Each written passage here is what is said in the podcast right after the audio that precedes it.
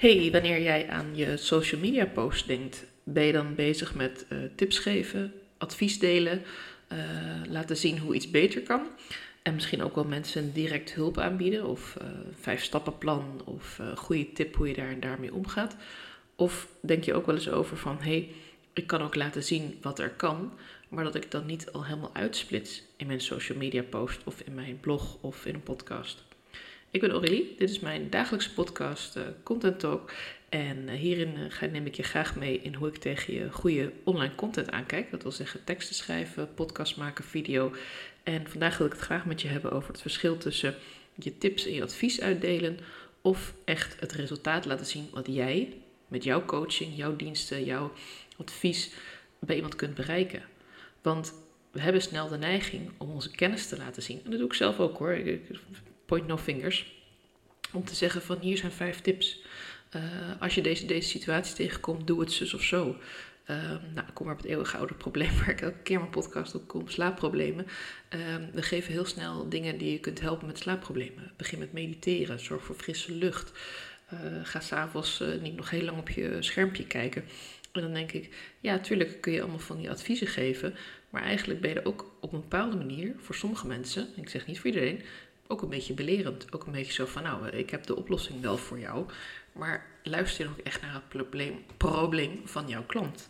En als ik dan jouw uh, berichten lees waarin je tips geeft, of bijvoorbeeld over hoe je uh, meer rust in je hoofd krijgt, of meer structuur in je werk, of hoe je uh, beter om kunt gaan met een kind wat ehm, heel heftig reageert of wat heel veel energie kwijt moet, en als je dan meteen met tips aankomt, natuurlijk aan de ene kant heel erg waardevol. Want ik weet dan, oh ja, nou, ik eh, herken mijzelf in dit probleem, dus ik kan daar nu mee aan de slag gaan.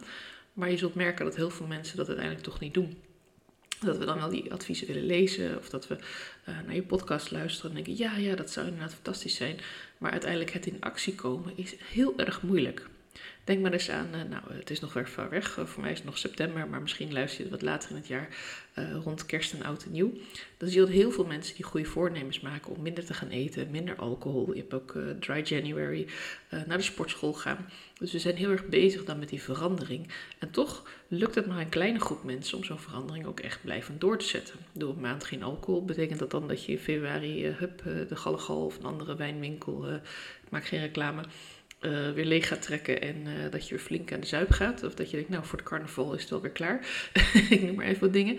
Dus tuurlijk, uh, er zijn mensen die het wel lukt. En er zijn ook mensen die helemaal geen oude nieuwe voornemens nodig hebben om wel aan hun gezondheid te gaan werken. Hartstikke goed.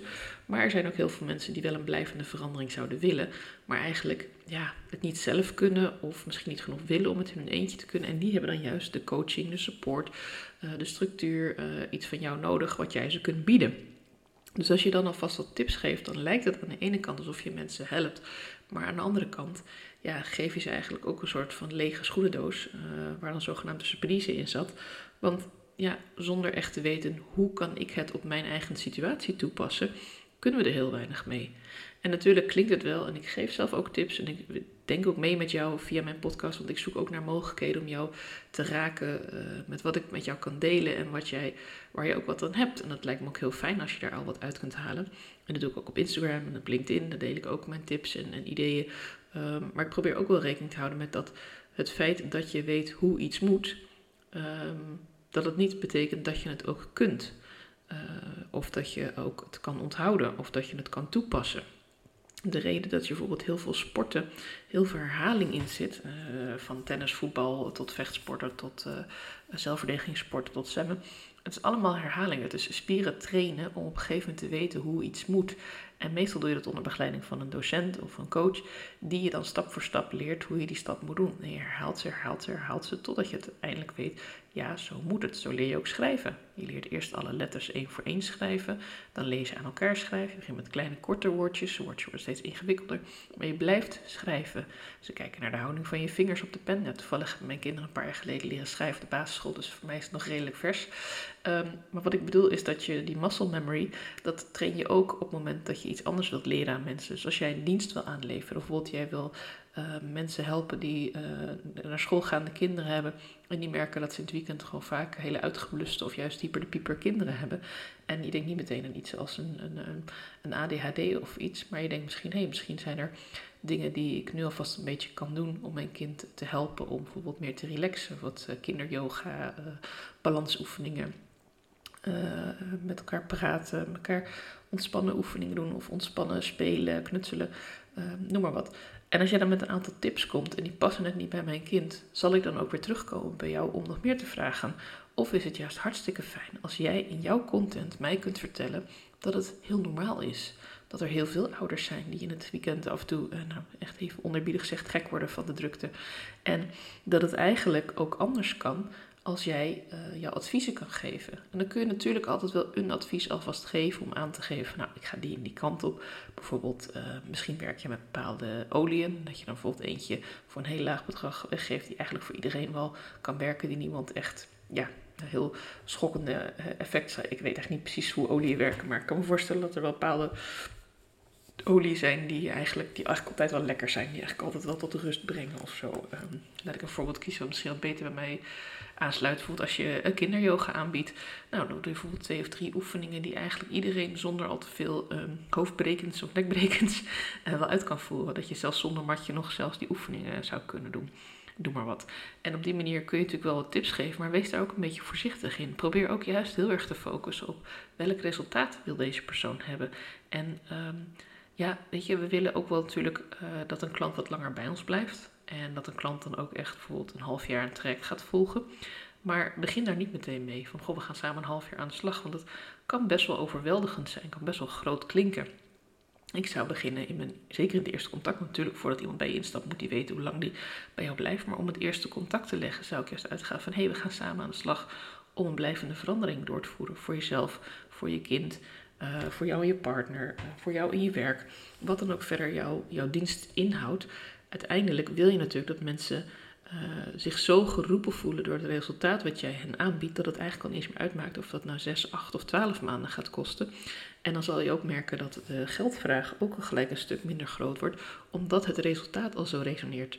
Terwijl als je heel erg uitgaat van heel veel advies geven, heel veel tips geven, 5 tips voor dat, 10 tips voor dat, zeg eens even heel eerlijk of ga even bij jezelf na hoe vaak lees je zo'n post en ga je echt al die tips even na? Schuf je er een paar op? Ik bedoel, ik sla ook wel eens van die posts op en denk, oh, daar kijk ik later nogal naar. Nou, um, misschien moet ik voor de grap weer eens een keer door mijn favoriet op Instagram, naar die opgeslagen items gaan, om eens te kijken van wat zit er eigenlijk allemaal in. Want ja, ik heb ook een Pinterest-bord met allerlei tips en dingen, maar ik kijk er echt niet vaak meer op hoor. Het is echt... Uh, ja, het is zo van ook oh, wil het wel bewaren, maar ik weet eigenlijk niet zo goed hoe. Doe ik er eigenlijk nog wel wat mee, maakt me niet uit. Het lijkt me nu leuk om te bewaren. Ja, uiteindelijk uh, onthoud ik juist uh, de dingen die ik nodig heb op het moment dat ik echt met een vraag zit. Mensen die ook met je mee willen denken over die vraag. Mensen die ook met jou aan de slag willen gaan. Om tot een resultaat te komen wat bij jouw probleem past, wat bij jou als persoon past. En als je dat uit kunt stralen in je teksten, in je video en in je podcast, ja, dan krijg je mensen echt mee. En dan kun je daarna gaan praten over de details. Als uh, het is zo'n type traject. We hebben wandelingen, of we hebben online gesprekken, of we hebben live gesprekken, of we hebben, je kijkt een aantal video's. Of, weet je, dan ga je het hebben over: oké, nu heb je eenmaal besloten. Dit zou mogelijk iets voor mij zijn. Dit zou mogelijk ook een stap zijn waar ik mee geholpen word. En dit is het resultaat waar ik naartoe ga. Wat gaan we dan precies doen? Nou, daar hoef je ook niet, dat heb al vaker gezegd, heel diep op in te gaan. De een vindt het heel fijn om te weten, werkboek A tot en met Z en um, zoveel gesprekken van zoveel minuten. En de ander zegt, oké, we hebben zes gesprekken van een uur en uh, die kunnen of online of, of, live zijn. Dat bespreken we tijdens een soort kick-off meeting. Daar zou ik me in principe al heel fijn bij voelen. En sommige mensen willen juist heel veel details. Dus daar kun je allemaal op je sales page natuurlijk rekening mee houden dat je steeds verder uh, detailniveau gaat maken. Of dat je dat ergens anders aangeeft. Of dat je mensen heel veel ruimte geeft om even een kennismakingsgesprek met jou te doen. Kortom, je kunt uh, mensen eerst rustig even laten kennismaken met jou. Eerst even die klik voelen met wat jij wilt bereiken. En als je dat dan ook doet in combinatie met een aantal gratis tips of een advies, of dat je een keer een, een, een heel klein advies geeft. Um, ik zelf zit te denken aan een soort quickscan uh, voor bepaalde diensten die ik aanbied, zodat je gewoon twee of drie tips krijgt. En dat is dan uh, of gratis voor een klein bedrag. Daar ben ik nog een beetje aan het uitpuzzelen wat dan het beste werkt. Want dat heeft ook te maken met de commitment die jij dan weer hebt als klant om ook echt met die tips wat te gaan doen. Um, maar dat is weer een andere discussie. Waar het nu vooral om gaat, is dat ik je mee wil geven dat het op zich heel goed is om af en toe tips te delen, advies te delen. Zeker goed om mensen aan het denken te zetten over het vakgebied waar jij ze mee wil helpen. Maar vergeet niet dat het vooral heel erg gaat om die persoonlijke klik. Verbinding maken met je klant. Aangeven waar je ze precies mee kunt helpen en welk resultaat je voor je ziet.